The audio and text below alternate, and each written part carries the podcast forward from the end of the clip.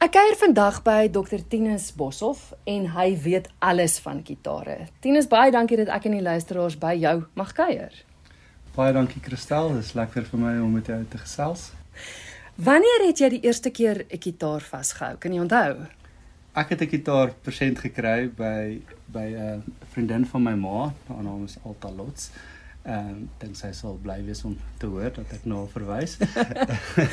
en uh, ek was baie bly oor die gitaar en ek het toe gitaarlesse begin neem by my tannie. Ehm um, en sy het vir my basiese akkoorde geleer en dis waar ek begin het. Ek dink ek was in ehm um, standaard 4 graad 6 gewees daai jaar en dis wanneer ek die eerste keer begin het met gitaar.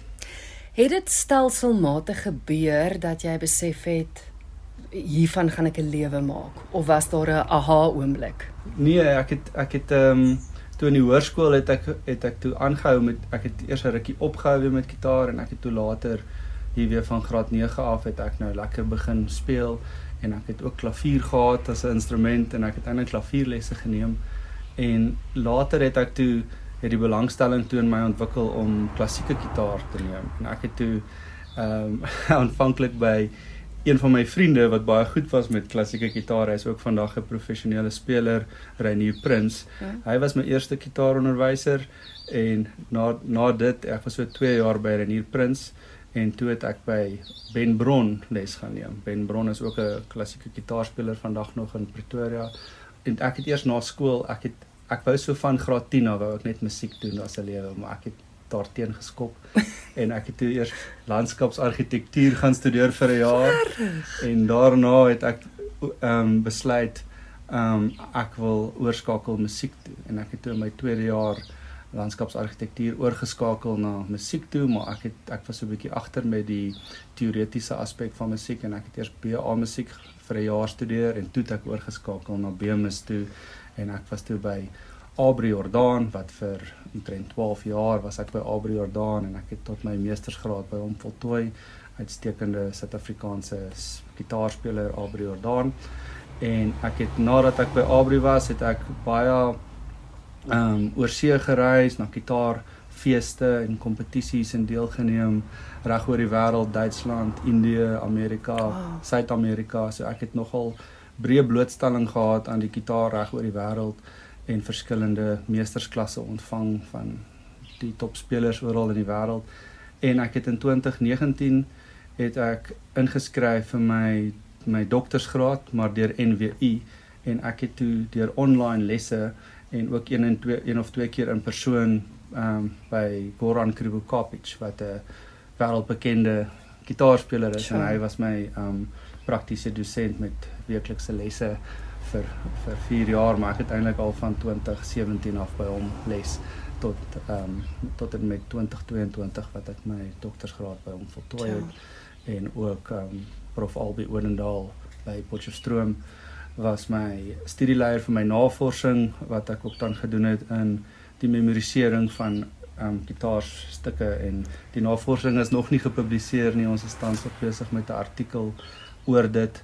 Um en uh dit is wat waarop my doktorsgraad gefokus het. So dit was praktiese uitvoerings plus um hulle noem dit lecture recitals en ook dan die die navorsing wat ek um internasionale gitaarspelers mee onderhoude gevoer het oor hoe hulle stukke memoriseer en wat is die prosesse. So dit is 'n interessante stuk navorsing wat nog nie gepubliseer is nie. Ja, dit klink vir my soos nog 'n onderhoud. ja. Martinus, ons gesels nou want Hier neffens ons lê twee kitare wat deel is van 'n reeks wat onder jou naam uitgegee word. Vertel gou vir my, dis Hans van der Berg, 'n baie bekende kitaarbouer. Julle twee se paai het gekruis. Vertel gou vir my hoe dit gekom het dat ons nou met twee kitare sit wat jou naam dra. Goed, so ehm um, ek ken Hans al ook baie jare en ek en Hans Ek het op 'n stadium met 'n Hans van der Berg gitaar ook gespeel vir 'n lang tyd. Dit was 'n double top. So ek as ek dan van die gitare praat, moet ek sê jy kry verskillende soorte ontwerpe van die gitaar. So as ons praat van die die top, die klankbord van die gitaar. Dit is jou belangrikste stuk hout van die gitaar ehm um, wat die wat die klank eintlik maar veroorsaak in die klankkwaliteit. Dis nou die dis nou die voorste stuk hout wat ons ja, sien. die voorste stuk hout wat jy sien. So daai klankbord resoneer. So ehm um, nou jy kry double top gitare, byvoorbeeld dit is dan twee lae hout wat op mekaar gesit word met en tussen die twee lae hout is daar 'n Nomex materiaal. En dit veroorsaak 'n briljante harde klank. En baie gitaarspelers soos die bekende David Russell speel met double top gitare, fantastiese gitare. Maar persoonlik het ek het my smaak meer ontwikkel na 'n tradisionele ons praat van 'n bracing of 'n versterking van die klankbord. So dis net 'n enkel top gitaar, dis nie 'n double top nie, dis enkel top gitaar en dis die manier hoe die gitaar versterk word aan die binnekant. So jy kry byvoorbeeld 'n Antonio Torres van Spanje of jy kry hierdie spesifieke gitare wat ook een van Hans van den Berg se spesialiteite is, is dit is gebaseer op 'n Dan, Daniel Friedrich gitaar van Frankryk. Die gitaar het 'n effens 'n sagter klank as die double tops wat briljant is. Jy kry ook 'n ander wat die Australiese soort is wat hulle noem 'n lattice brace. Ek weet nie wat dit in Afrikaans is nie, maar 'n lattice brace gitaar. Maar dit is ook 'n baie harde gitaar. Maar persoonlik en dis my eie opinie, baie mense sal van wat vir jou sê 'n double top gitaar is die ultimate. Hulle hulle wil niks anders hê nie en dis hulle keuse. Maar persoonlik voel ek ehm um, die tradisionele top gitare gee vir jou 'n beter klankkwaliteit, 'n beter toonkwaliteit en dit is um iets wat ek self gesoek het in 'n gitaar. En ek het intussen tyd het ek eers met 'n Spaanse gitaar, ek het nog steeds die gitaar van Spanje um deur gebou deur Andres Marvi, ook 'n tradisionele top, maar dit is 'n Torres gekombineer met 'n Romanillos wat die bekende Julian Bream het met um 'n Romanillos ontwerp gespeel. So Um ek is mal oor die gitaar, maar die gitare is is onbekostigbaar as ek dit so kan stel. Toe bou jy jou eie een. Ja, en ek, ek was ek was op soek na 'n gitaar, 'n tweede gitaar wat goed genoeg is vir my om in konserte te speel, maar waarmee ek ook kan les gee. En um en natuurlik Hans se gitare is fantasties. Um persoonlik voel ek ook dit is van die bestes wat jy in Suid-Afrika sal kry en jy sal nie 'n gitaar van hierdie kwaliteit enige plek ter op die op die aarde kry vir um, ter wêreld kry vir vir onder 100 000 rand nie. So ja. vir wat die waarde van dit aanbetref en wat die ure is wat daar ingaan om so iets te bou en ook die kwaliteit van die soorte hout wat hy gebruik, is dit uitstekende waarde vir geld. Mm. Plus dit is in Suid-Afrika, dit is in ons eie ja.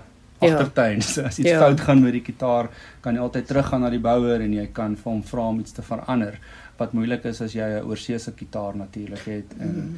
en iets plus selfs al koop jy vir jou oorseese gitaar, jy moet nog steeds jy wil hom nie sommer in die pos stuur nie. Jy wil jy moet hom ja. gaan haal, jy moet hom hierso ja. kry en en ook deur douane en alles gaan om daai gitaar natuurlik weer terug te bring Suid-Afrika toe. Plus daar is allerlei beperkings op die tipe houte wat jy gebruik as jy praat van baie baie gitare soos my ander gitaar is 'n Brasiliaanse rooshout aan die agterkant en daar's allerlei beperkings op dit byvoorbeeld CITES oh. sertifikate wat jy moet hê om daai gitare terug in Suid-Afrika te kry. So dit is nie so eenvoudig jy gaan net vir jou gitaar koop oor see en hom terugbring in die land in as dit van sekere soorte hout gemaak word. Ja, seker. So om, om terug te kom na die vraag, ek het nou byvoorbeeld ek het 'n wel, as ek ek het deel wat studente en van my studente begin regtig ehm um, goeie spelers word en dan verwys ek hulle na na Hans toe om vir hulle self ook 'n goeie handgemaakte kwaliteit gitaar te kry. En ek het byvoorbeeld al 'n hele paar studente na hom toe verwys en elke keer dan sê ek vir hulle gaan nou vir hierdie spesifieke ehm um, eienskappe weet vra om daarvoor. En gewoonlik weet volg hulle my raad en ek het afgevoel toe ek nou self ook 'n gitaar wil hê wat van die idee van 'n reeks? Wat ek sê goed hierso is nou my idee um wat ek nou graag in 'n gitaar wil hê um en natuurlik dit is 'n hand van 'n berggitaar. Hy bou die gitaar mm, dit sy mm. ontwerp. Hy doen ook waarmee hy gemaklik is bedoelende. Hy verkies om dan as ek sê tradisionele top om te sê um kom ons gaan vir die Daniel Friedrich ontwerp vir die vir die versterking. Maar wat ek nou gevra het wat wat nie standaard is op sy gitare nie.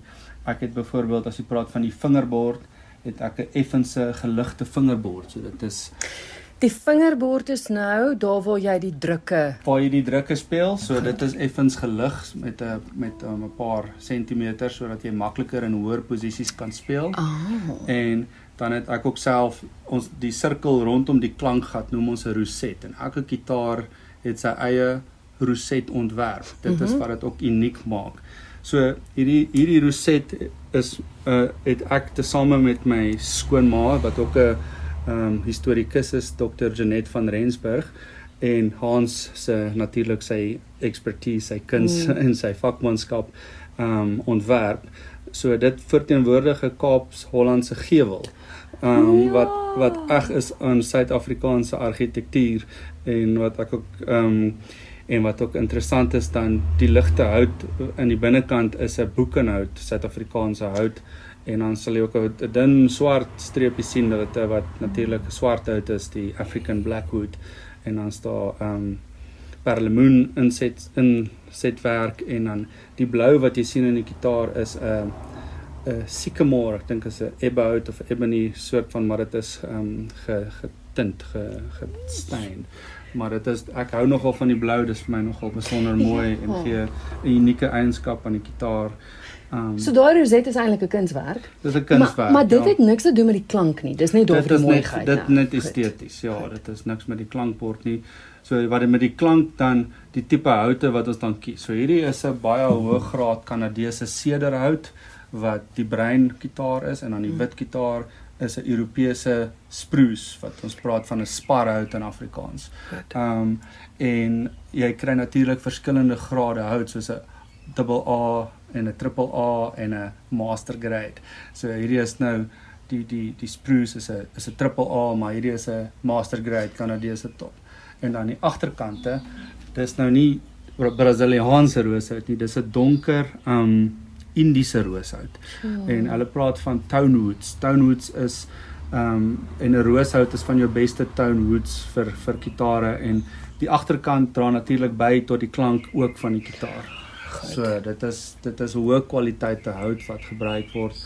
Ehm um, maar en, en dan ook dan wat ook een van van my spesiale weet ehm um, versoeke was was 'n effense breër ehm um, spasiering van die snare en en dit veroorsaak dat die nek effens breër is. Oh. Wat sommige spelers sal sê dis nou vir hulle dalk bietjie moeiliker om te speel veral die wat gewoond is aan 'n stalsnaar of 'n basgitaar met 'n vreeslike dun nek, oh. maar die klassieke selfs die klassieke spelers ehm um, sal dalk sê dis bietjie anders te vir hulle, maar dit verskil letterlik net 'n millimeter van die standaard grootte op die ou einde en ek glo regtig dit maak die gitaar makliker om te speel en net so bietjie meer volume as gevolg ook daarvan. Maar dit is nie as iemand nou vir hom 'n Tinus Bos of gitaar bestel, is dit een aspek wat jy kan verander. Jy kan byvoorbeeld vra vir 'n effense dinner dinner nek. So al die gitare wat jy oor die jare bymekaar gemaak het en waarop jy al gespeel het, jy het al die beste kwaliteite van al saamgevoeg nou in een. Ek voel so ja, ja. nee, ek dink ek het weet jare se ondervinding en weet wat ek ook deur al my reise en meestersklasse opgedoen het en um my verbintenis met met um Goran Krivokapic en alles het ek gevoel ek um en vergelyking met my Andres Marvi gitaar het ek weet dit probeer bring na hierdie gitare toe. So dit is die idee gewees. Nou die twee wat nou hier is is, is die eerste twee in die reeks. Ja. Die houte verskil. -hmm. Is daar enige ander verskil tussen die twee gitare? Dit is basies net die net die nee, voorkant die klankbord wat ja. verskillend is. Verder is dit so ver identies die die mm en dit is ook baie interessant. Ek het byvoorbeeld na Hans toe gegaan toe hy die die nek gevorm het aan die agterkant. En dit was die gitaar was klaar gebou en dan skuur hy nou eers die nek en dit dis dis fascinerend om te sien weet as jy nou in sy werkswinkel staan hoe hy 'n fyl vat en op hierdie gitaar skuur. En dan kan ek ook nou voel weet dat die nek nou vir my baie speelbaar is en dit is ongelooflik om te sien hoe sensitief 'n gitaarspeler se se hand is weet jy kan jy jy voel 'n klein millimeter verskil dan sê jy o okay dit voel nou reg ja is ongelooflik dit is so sensitief kan jy vir ons speel kan jy vir ons demonstreer oor ons gaan seker met baie fyn luister maar daar moet uit die aard van die saak 'n verskil wees in klank En dis hoekom daar twee verskillende soorte houte gebruik is, ja, as ek reg. Dit is daar is 'n effense verskil. Daar is algemene ehm um, verskille tussen spruce en cedar wat um, mense sal sê is 'n spruce gitaar het byvoorbeeld 'n bietjie meer van 'n 'n gladde silky klank en dan die die ehm um, die die sedergitare, die breingitare het 'n bietjie meer van 'n warm klank. Ja. Gelooflik. Kan kan jy vir ons demonstreer? Ek sal ja. Goed, ek gaan begin op die spruce gitaar. Ehm um, ek ehm um, gaan so so klein gedeelte van die baie bekende Asturia speel van Isaac Albeniz.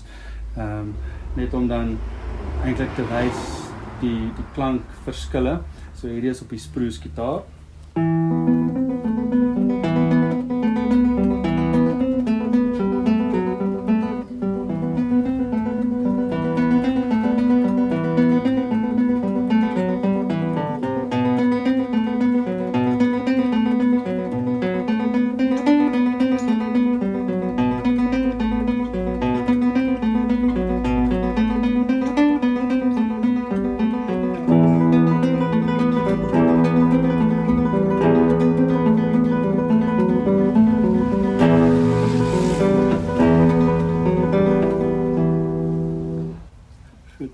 dieselfde speel en dan op die sedergitaar. Jy sal dadelik hoor die klank is bietjie harder plus hy't so 'n bietjie meer 'n warmer gevoel.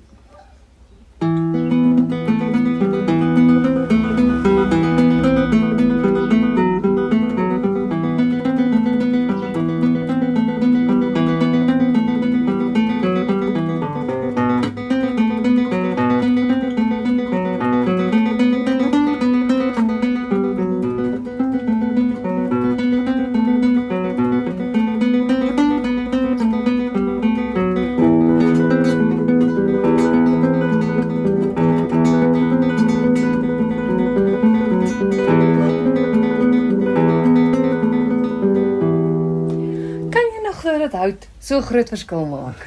Ja, nee, en ek sal dan ook vir julle dan eintlik weer ek sal 'n ander stukkie wil speel wat wat um bietjie meer ekspressief is as ek nou Hierdie is um gedeelte van Torriga van Federico Moreno Torroba en dan is dit 'n rustige stuk wat jy dan eintlik by hierdie stuk voel ek weer die die die sproesgitaar se klank kom so 'n bietjie duideliker na vore. So ehm um, So dis interessant afhangend van watter stuk musiek jy speel, hang af op watter gitaar jy speel. Ja, op hierdie op hierdie spesifieke gitaar is dit vir my nogal opvallend dat dat die sproesgitaar klink vir my beter met sien nou maar romantiese mm. en barokstukke en hierdie klink weer vir my dalk so 'n bietjie beter met moderne stukke. So dit is interessant vir my. Ehm um,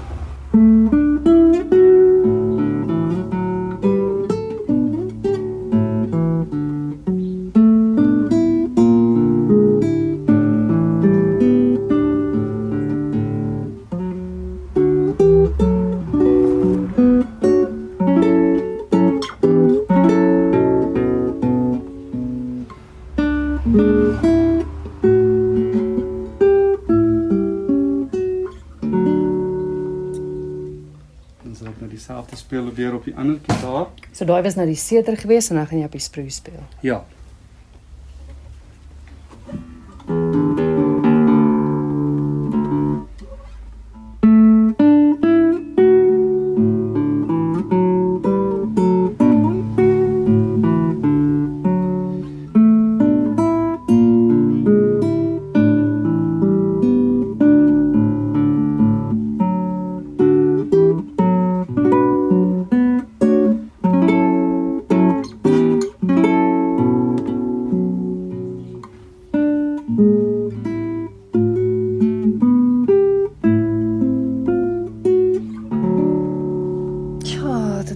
Groot verskil.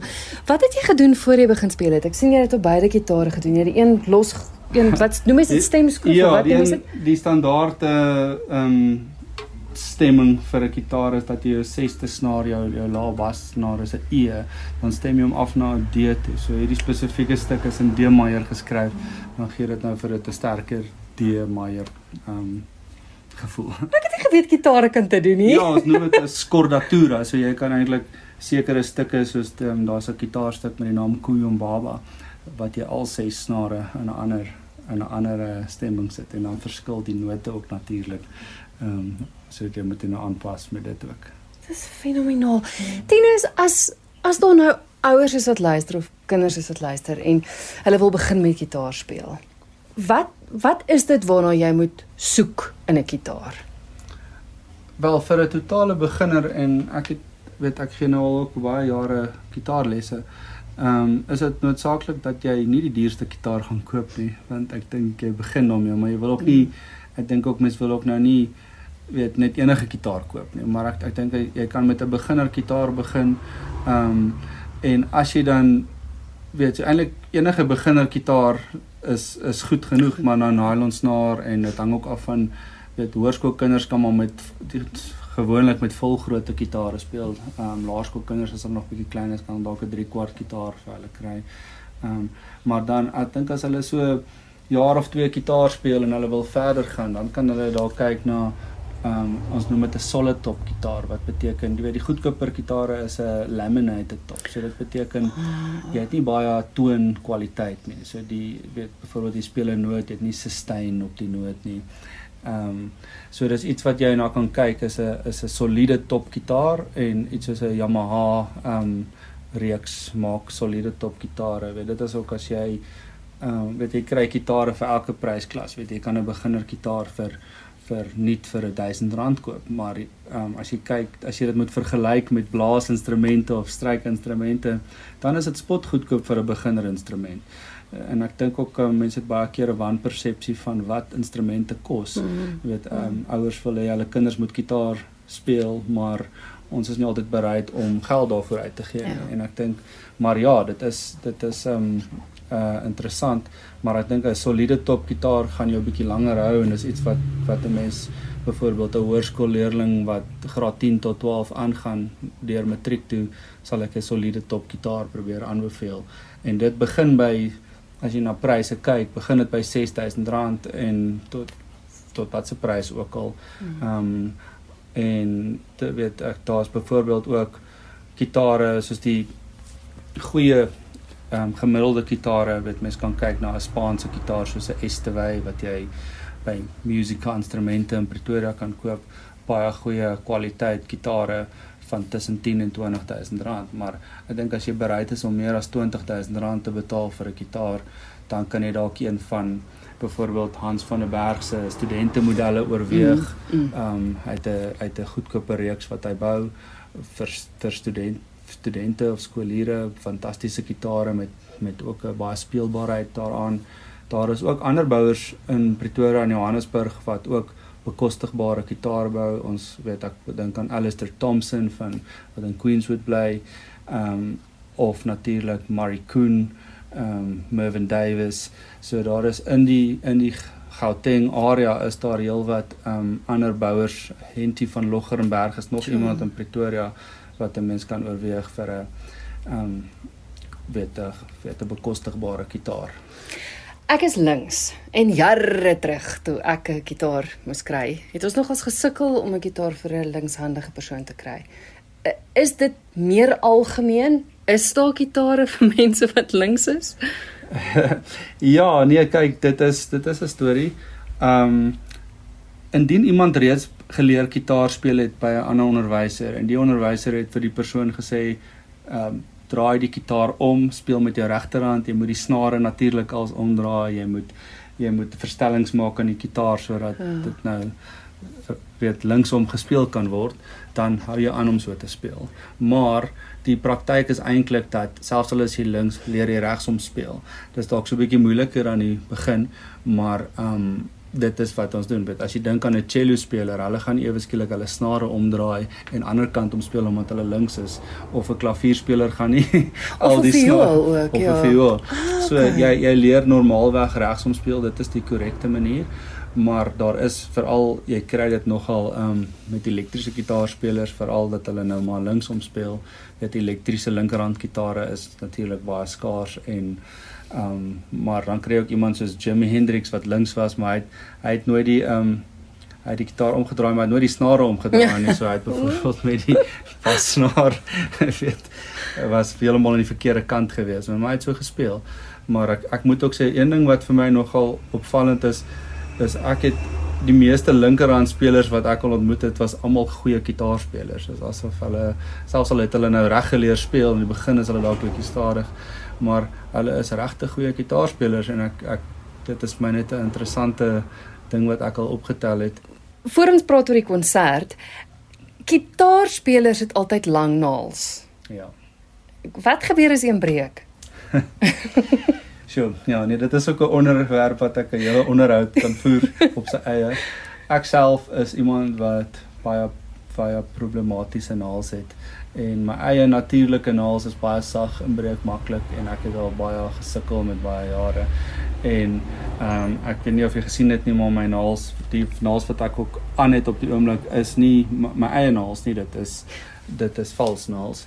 Ehm um, maar dit wat ek gebruik, ehm um, ek gebruik 'n hoë kwaliteit tafeltennisballetjie wat ek dan opknip en en dan in die vorm van 'n naald dan plak ek die tafeltennisballetjie onder my eie naald vas. Dit is vir my 'n baie stabiele klank wat ek verkry.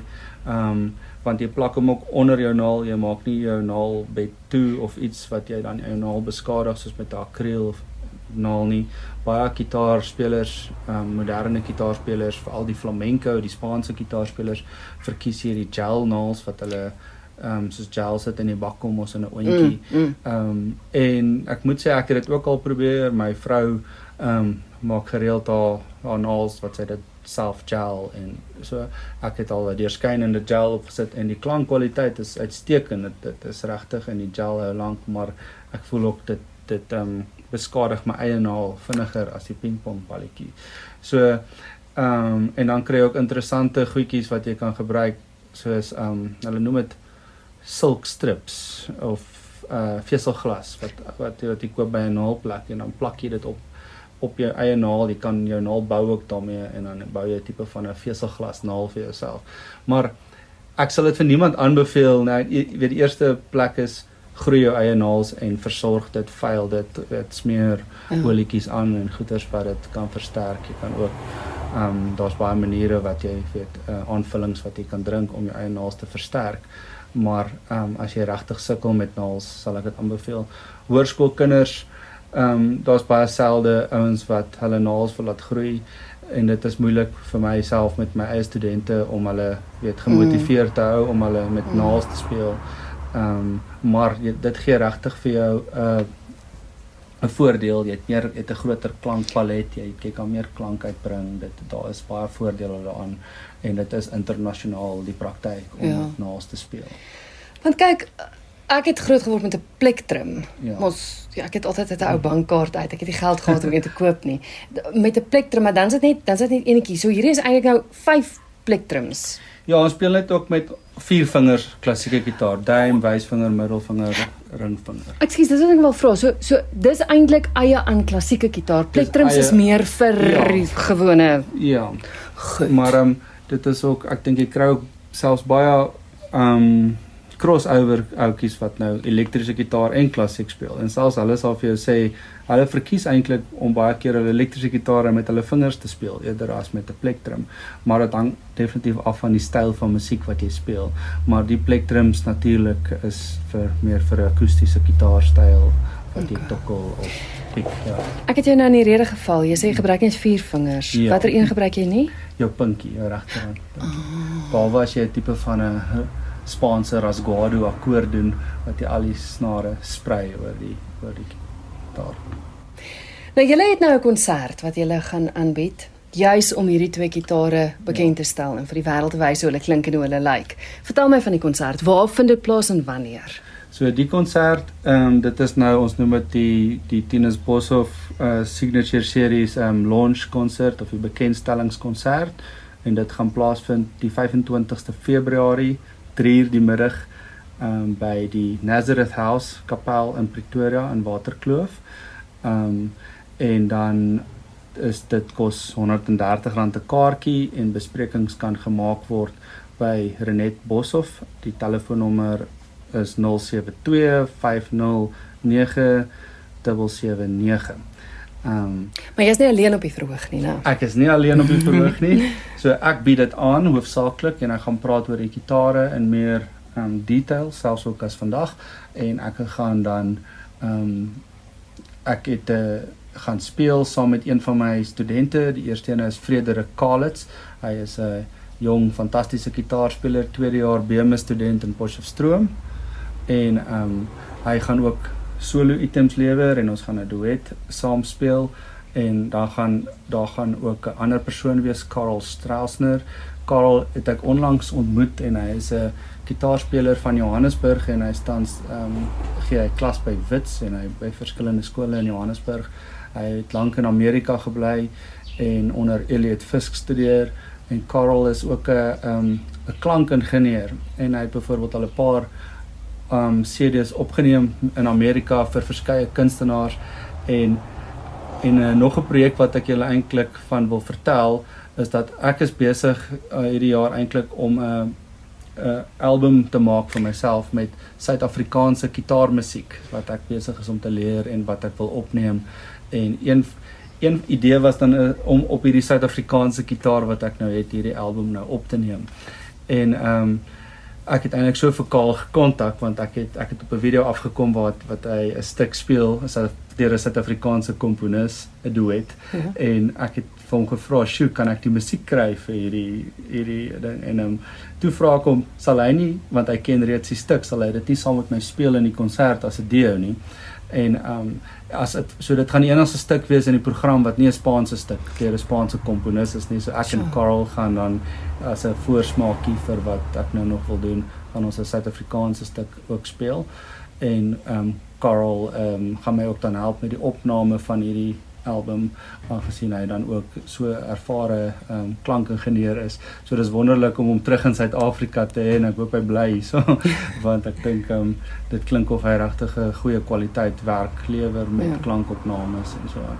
So dit is een van die projekte wat ek dan wil hê en Karl self gaan ook um ook 'n solo item speel by die konsert en die res van die solo items gaan ek self dan speel en dan Hans van der Berg die bouer die gaan self daar wees. Um Renet kan nou gekontak word om 'n plek te bespreek vir die konsert. Kan sy ook gekontak word indien mense met Hans in verbinding sou wou tree of het jy 'n webwerf of of ja, nee, jy Ja, jy kan gerus vir vir Renet kontak en ons kan jy in verbinding sit. Ja, ja. anderste kan jy ook direk vir Hans van der Berg kontak. Hy berg gitaars, daar is 'n webwerf beskikbaar daarvoor.